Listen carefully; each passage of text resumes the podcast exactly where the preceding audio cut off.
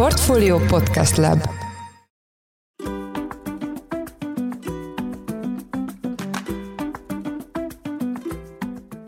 Sziasztok! Ez a Portfolio Business Podcast, melynek jelen adása az MNB EduLab Kft. támogatásával jelenik meg.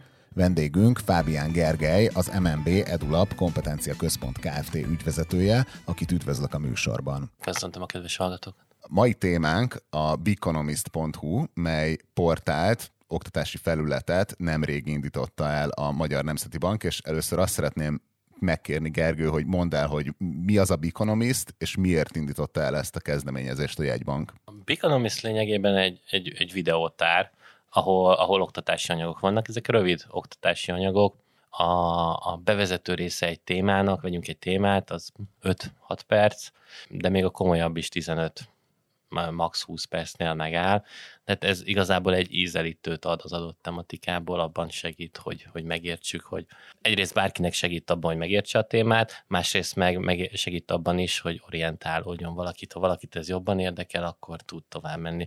Ugye mi tovább mentünk, mint egy videótár legyen. Egyrészt a bemenetnél van érdeklődésfelmérés, tudásszintfelmérés, és ilyen szempontból egy személyre szabás, hiszen látjuk, hogy mi az, ami érdekli a, a, a kedves részevőt, a regisztrálót, és utána már azt látja kvázi ilyen Netflixes megoldásban, hogy azokat látja jobban, és ugye reméljük is belőle, hogy minél többször nézik, az annál több feedback nekünk, annál több visszajelzés nekünk, és annál jobban tudjuk fejleszteni a tartalmakat, illetve a elvégzés után nyilván segít ott is orientálódni magán a videótáron belül, összefüggő tartalmakat, és segít orientálódni abba is, hogyha valaki el akar mélyülni a tudásban, akkor hova tud fordulni. Tehát, hogy fizikailag hova tud menni, hogyha vagy Így online, van. hol tudja ezt folytatni. Online vagy fizikailag. És ugye a Nemzeti Banknak a mandátumában is benne van a pénzügyi kultúra fejlesztése, tehát ilyen szempontból ez inline.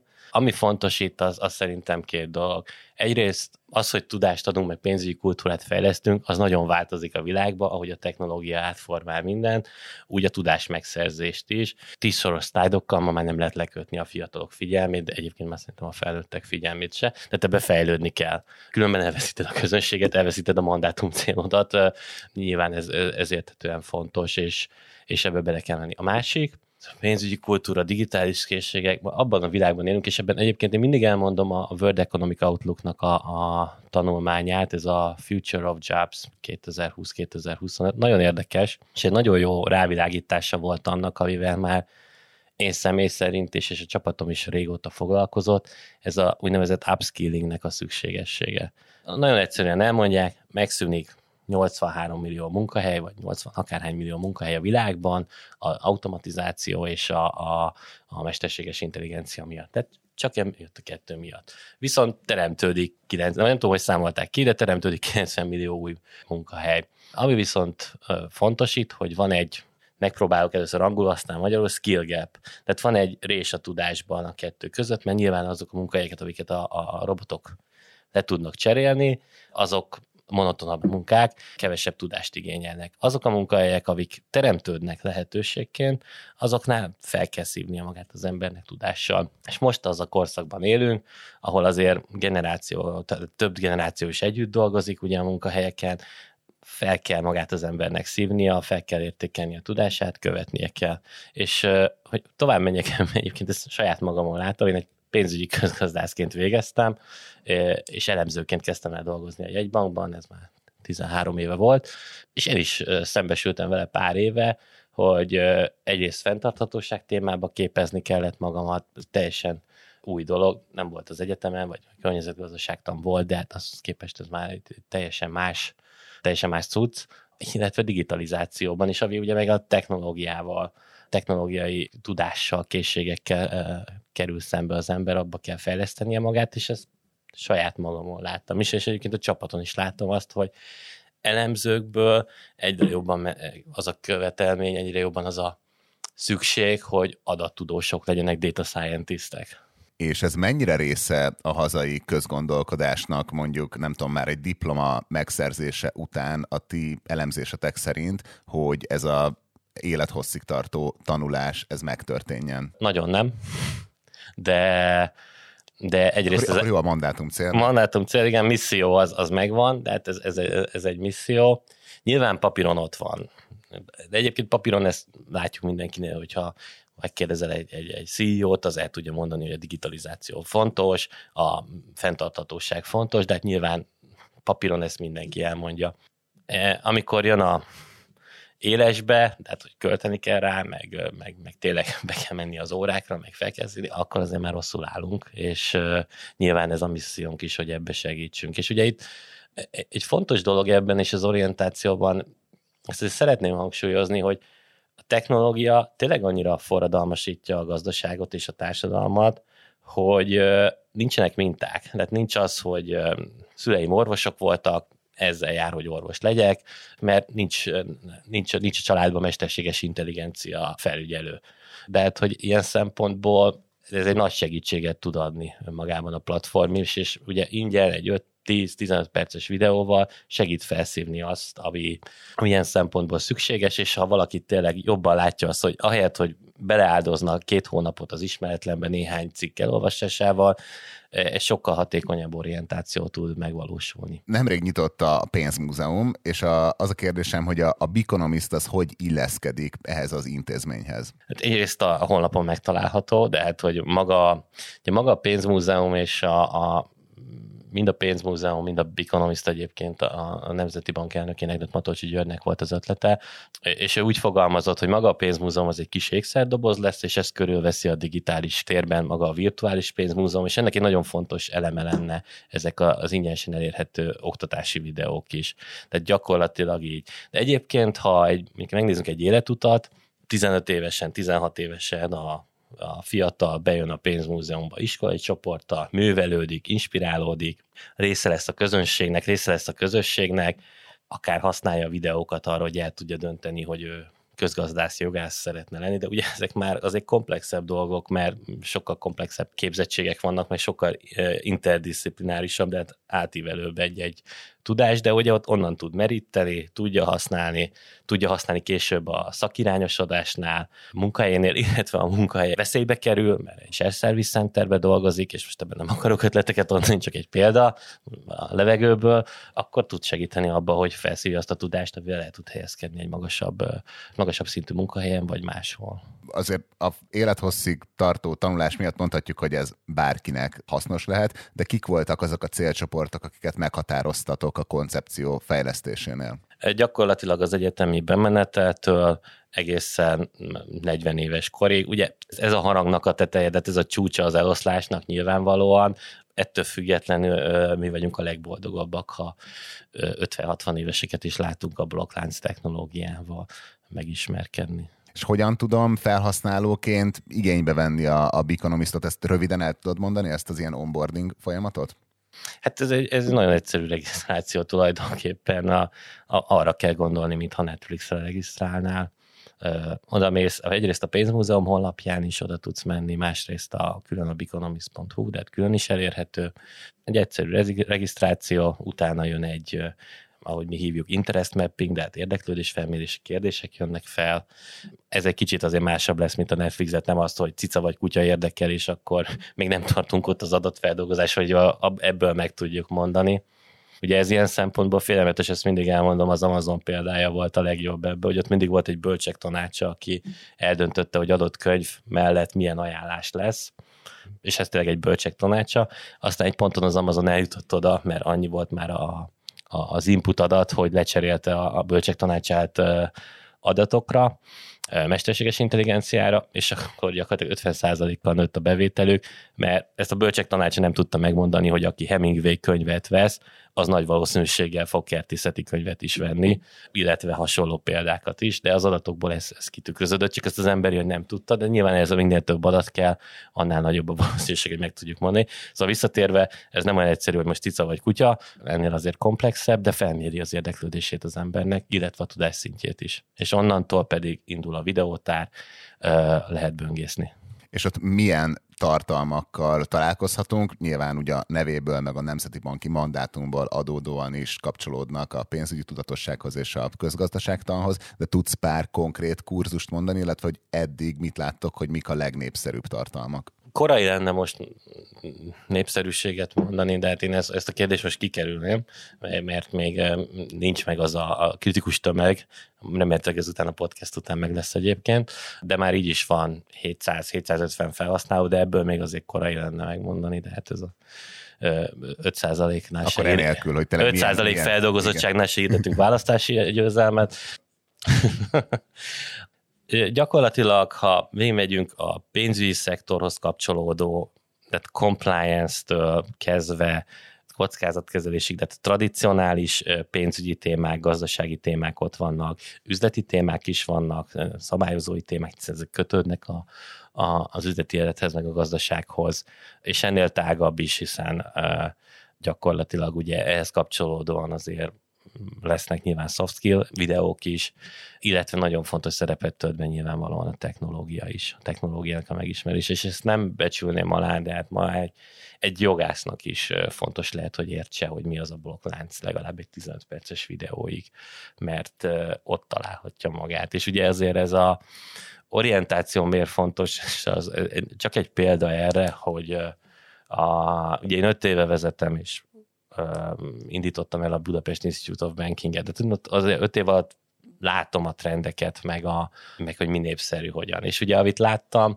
az nagyon érdekes, hogy amikor indítottunk blokklánc tanfolyamot, alig jöttek rá valaki, hogy, hogy mi a blokklánc, de a kriptoeszközök szabályozása az EU-ban, az meg megtelt. Tehát, hogy nyilván az orientációnak van egy olyan pillanata is, hogy segítsen az embereknek, hogy a blokklánc egy nagyon fontos technológia lesz, amit nem árt legalább egy 15 perces videó erejéig megérteni, mert egy, egy jogásznak is szüksége lesz rá adott esetben. És ezt akartam kérdezni, hogy valahogy segíte nekem a platform abban, hogy egy olyan szinten kapcsolódjak be a tudás megszerzésébe, amit már valóban meg tudok szerezni, tehát hogy valahogy segíte ebben a tanulási Abszolút. útban. Tehát az első videó az egy 5 perces, az egy ténylegesen egy bevezető videó, illetve több videó, több ilyen kis videó megnézésével ez, ez szépen fel tud, szépen fel tud épülni. De hogy mondok egy másik példát, ami, ami, ami nekem fontos volt, és szerintem egy jó példa az ingatlan értékbecslés az egy, én nem dolgoztam benne, de viszonylag sokat foglalkoztam vele, az egy elég, elég érdekes szakma. Jelenleg Magyarországon a, ahhoz, hogy ingatlan értékbecslő legyél, először meg kell csinálnod egy, egy ingatlan közvetítő jókáit. És ha megvan az ingatlan közvetítő jókáit, ami nagyon más szakma egy kereskedelmi ingatlan, könyörgöm, beértékelni, mint, egy, mint eladni egy házat, de ez, ez a bemeneti követelmény, és utána lehet egy ingatlan értékbecsült, ami egyébként ugye elég meghatározott tudáskeret van, és egyébként ebben a tudáskeretben nagyon sok olyan minden van, ami nem is biztos, hogy kell, hogy ingatlan értékbecsülnek, de az, hogy csinálj egy 25 oldalas értékbecslést és egy adott plázát beértékelni, ez egy, egy nagyon izgalmas dolog, és maga a végeredmény is, a, az elkészült értékbecslés is egy nagyon érdekes, egy nagyon szép munka. Na, ez, ez egy Beconomist videó, ez kifejezetten készült erről, az ingatlan értékbeső szakmáról, hogy mivel foglalkoznak, hogy néz ki ez a munka, nagyon sok embernek tud segíteni, aki esetleg az első hónapban eltéved az OKI képzésről, és rájön, hogy ő nem ezt akarja csinálni, és nem is ezt fogja csinálni az ingatlan közvetítéssel, hát nem azzal fog foglalkozni, de mégis ezt vissza kell járni. Mennyivel másabb, ha látod a, a végét a dolognak. Miben más ez a felület, mint mondjuk a Webuni, a Coursera, vagy akár a YouTube-on található oktatási videók? A YouTube-hoz képest rendszerben van, a, a Coursera-hoz képest, a Coursera-k ugye ilyen én nagyon sokszor nekifutottam a kurzusoknak, és nagyon sokszor abba hagytam, egyszer se tudtam, de hát, hogy az a, az a koncepció merőben más, hogy te online mindent végig tudsz nézni, kiválasztod, elindulsz, és, és, és tudsz végigmenni. Én abban nem hiszek egyébként, hogy mindent online végig lehet csinálni, tehát ez már egy nagy különbség. A másik különbség pedig az az, hogy hogy gyakorlatilag itt egy, egy ízelítőt az lett, mondjuk ha lenne egy kurzera kurzus ingatlan értékbeslésről, itt az eszenciáját kapod meg 5-15 percbe. Ott meg ugye hetekig vannak több órás képzések, de hát az gyakorlatilag egy ilyen egyetemi, egyetemi kurikulumba gondolkodik. És akkor valahogy így könnyebb megtartani a figyelmét is a, a usernek a Economiston? Hát mi ezt reméljük. Ugye nem Mert tudok... bennem is nagy a kurzus abba hagyott tisztelhetünk. Igen, hát hogy nyilván azt várjuk, de hát hogy azért egy 5-6 perces videó, 10, de ez is a trend egyébként, hogy az emberek kevesebbet akarnak látni, azt sokkal élmény alapokban megkapni. Ugye ez, én ezt a, én ez volt az avit az oktatásban, meg ugye, ugye a technológiai fejlődésben megtanultam itt első számú szabályt, és nyilván nem én láttam, csak a World Economic fórumon um, olvastam, hogy, ugye nem szolgáltatást nyújtunk, hanem élményt adunk, és ez egy, ebből kell kiindulni igazából is a technológia, a tartalom, a kiválasztás az embereknek, magának a műfajnak a meghatározása, mert ugye ez a Biconomist, ez egy, ez egy új műfaj ilyen szempontból, mert ez nem egy tréler, nem egy marketing anyag, de nem is egy, egy, egy 50 perces óra, hanem ez annak egy kivonata, egy, egy absztraktja, de még, még egy absztraktnál is több igazából. Szóval mindez a dolog arról szól, hogy egy, egy élményt nyújtsunk a, a felhasználónak, és nyilván az élményből kialakul egy interakció, jönnek vissza a visszajelzések, amiben tudunk fejlődni, és ki tud alakulni ez a, a pozitív spirál, ami igazából bármilyen platformnak a sikere ma legyen az bármelyik iparágban, ahol, uh, ahol sikereket ért el egy platform mi az az M-learning, mert az e-learningről már sokat hallottam, de itt nálatok nagyon fontos ez az M-learning koncepció, és mi ez, és miért éreztétek úgy, hogy ezt kell valahogy a platform működésének a, a középpontjába helyezni? Ugye a, már a műfajnál eldöntöttük, hogy ez egy rövid lesz, de hát ugye az M ez micro and mobile, tehát hogy az embereknek egy rövidebb tudásanyagra van szükségük, jobban megfogjuk őket, utána tudnak, tehát van egy, egy learning, egy, egy tanulási pálya, magán a, a videótáron belül, a platformon belül is tudnak tovább menni más videókkal, de hogy e, ez, a, ez, ez egy mikro legyen, ilyen szempontból, hogy 5-6 perc, és hogy a, ilyen szempontból mobilon is tudja élvezni, de hát felszáll a villamosra, és uh, mire leszáll, meghallgatott egy compliance videót. És ezt látjátok is már, hogy inkább mobilon vagy desktopon használják a userek, vagy most még nincs akkora sokaság, hogy erről tudjunk mondani valamit. Tehát most még fele-fele, de szerintem ez a, a mobil irányába fog elmenni. Én azt várnám, főleg ahogy ugye ezt nem egy évre terveztük, ahogy ez megy, és jönnek be a fiatalabb generációk, és néznek meg ilyen témákat, szerintem ez egyre jobban a mobil irányába fog elmenni. Máshol, e-learningnél egyébként az tipikusan egy desktopos sztori volt, hát ugye, ugye a Bibe csináltunk több e-learninget, és ott látjuk, hogy az, az egy desktopos történet, de ott is láttuk, hogy azért már a mobil betört, úgyhogy Úgyhogy én azt várnám, hogy ez, ezt, ezt, ezt azért mobillal fogják használni a többségében. És milyen, milyen várakozásaitok vannak a különböző célcsoportok felhasználói szokásait illetően, hogy odajönnek, megnéznek valamilyen tartalmat, és utána tovább mennek a fizikai térbe, vagy, vagy azt gondoljátok, hogy ez egy ilyen folyamatos kapcsolat lesz a Beconomist és a userek között, tehát hogy akár többfajta disziplinát is megismernek itt? Én nagyon remélem, mert uh, én, én abszolút hiszek abban, hogy érdemes uh, ahogy ezt mondtam az elején is, hogy például egy jogásznak a blockchain technológiával megismerkedni. Ez a blockchain, ez egy fájó dolog, hogy, hogy, hogy nem sikerült ott kurzust elindítani, de én hiszek abban, hogy ezt lehet formálni, és hogy, hogy érdemes. Erre talán egy nagyon jó példa, és ez megint visszamegyek a Budapest Institute of Bankinghez, tehát a BIP-hez. Mi már 2018-ban elkezdtük zöld pénzügyeket adni akkor, hát nem azt mondom könyörögni, de majdnem könyörögni kellett, hogy összejöjjön egy kurzusnyi ember, oda. De mi ebbe hittünk, hogy ez fontos lesz, a fenntarthatóság témája fontos lesz, és, és be is jött, mert most meg amire ráírjuk, hogy zöld, az, az megtelik igazából.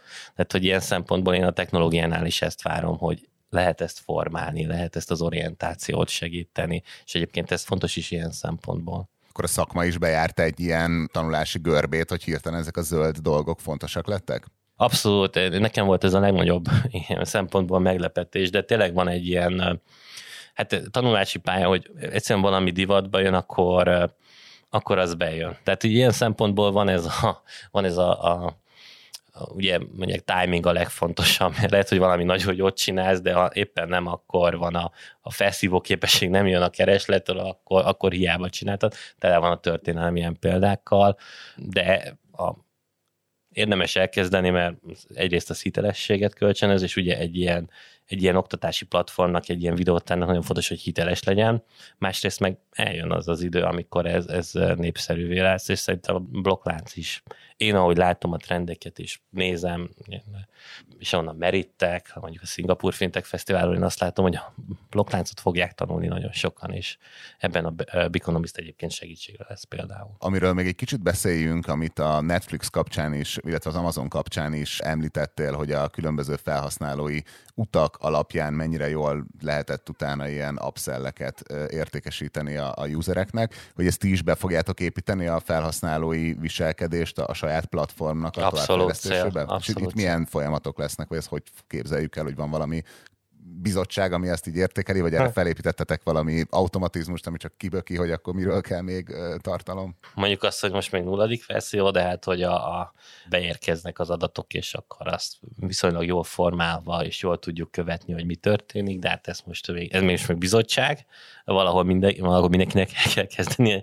könyörgöm az Amazon is így kezdte, szóval nem. De van az az adatmennyiség, amikor amikor nem csak a, hogy mondjam, nem csak érdemes, hanem kell is rárakni már, már komolyabb, komolyabb hardware, komolyabb szoftvert, hogy kinyerjük az adatokat. Kik az oktatók? Erről még nem beszéltünk a, a Biconomiston. Én nyilván már a beszélgetés előtt megnéztem a, az oldalt, és egy nagyon, nagyon színes közeget szedtetek össze kik ők, és, és mi alapján válogattátok őket. Akik ugye a szereplői ezeknek a videóknak, most ezt a hallgatóknak mondom, akik meg esetleg nem találkoztak magával a felülettel, hogy, hogy, hogy itt az összes videón van egy élő személy. Vagy kettő, segíti, most ez vagy kettő, igen.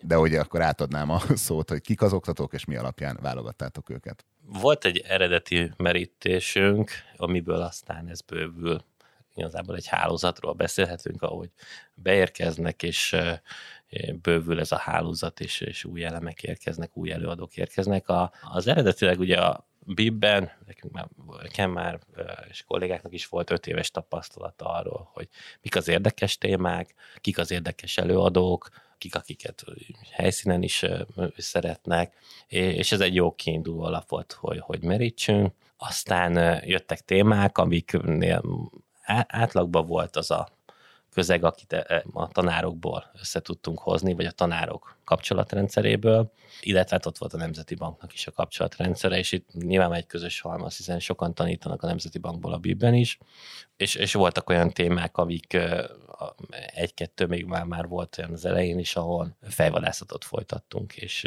de szintén a, a viszonylag azért ez egy elég bő hálózati kapcsolat. Ha Bibről beszélünk, ugye van 400 szerződött oktatója, és több mint 100 téma volt kipróbálva már az elmúlt öt évben, és, és közülük azért látjuk azt, hogy mi az, ami érdekes. De nyilván itt azért és ez ugye egy másik kedvenc mondásom volt, hogy a Harry Fordot megkérdezi, és ez kötődik a blokklánchoz, ugye Harry Fordot, amikor megkérdezték, hogy Harry Ford szokta azt, mondta azt mindig, hogyha megkérdezem a, a vevőket, akkor ők azt mondják, hogy mit szeretnének, gyorsabb lovakat, ő meg ugye autót akar gyártani, de hát, hogy kicsit azért van az a cél, hogy formáljuk a keresletet ebbe a dologba, de saját érdekükben nyilvánvalóan, és ez visszacsatolnák a fenntartatóság témájához, tehát hogy ez nem, ez nem egy kényszergyógyszer, amit be kell kell venni, hanem ez, ez, ez fontos lesz neki elő vagy utóbb.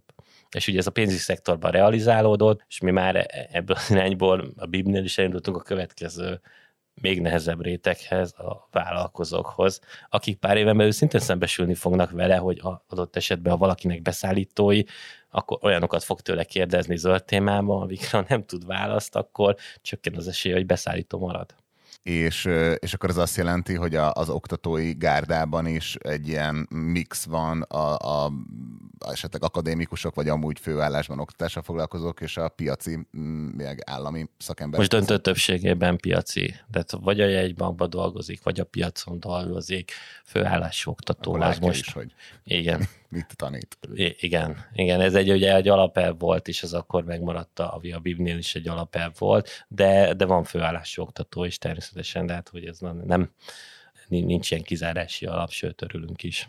És mi van, hogyha valakinek van egy jó kurzus ötlete, és alapvetően egy hiteles pozícióban van, ami őt felhatalmazza arra, hogy ilyenekről beszéljen, akkor mit kell tennie, hogy csatlakozzon akár oktatóként ez a gárdához? Ír nekünk, leülünk beszélgetni vele, kötetlenebből reggelizni, vagy kávéra átbeszéljük, és akkor gyakorlatilag, ha, ha egyeznek a, a, a tehát hogyha megtaláljuk a közös hangot, akkor, akkor, akkor, akkor csináljuk, felvesszük a listára is, és készítjük. Ugye folyamatos tartalomgyártás van, tartalomfejlesztés. És az, hogy ennyire egységesek a, a tartalmaknak a, a vizuális megjelenése és a stílusa, itt ezt kifejezetten ti gyártjátok ezeket a, Igen, a tehát mi elkészítettünk egy, egy, nyilvánvalóan partnerekkel, de mi gyakorlatilag elkészítettünk egy egy, egy műfaj gyakorlatilag kitaláltunk a maga vizualizációjával, de hát ennek a betűtípus, betűmérettől kezdve, hogy milyen háttér van, és nyilván ebben van mozgástér, de maga a, az arculat, a, a brand az, az ez, amit a,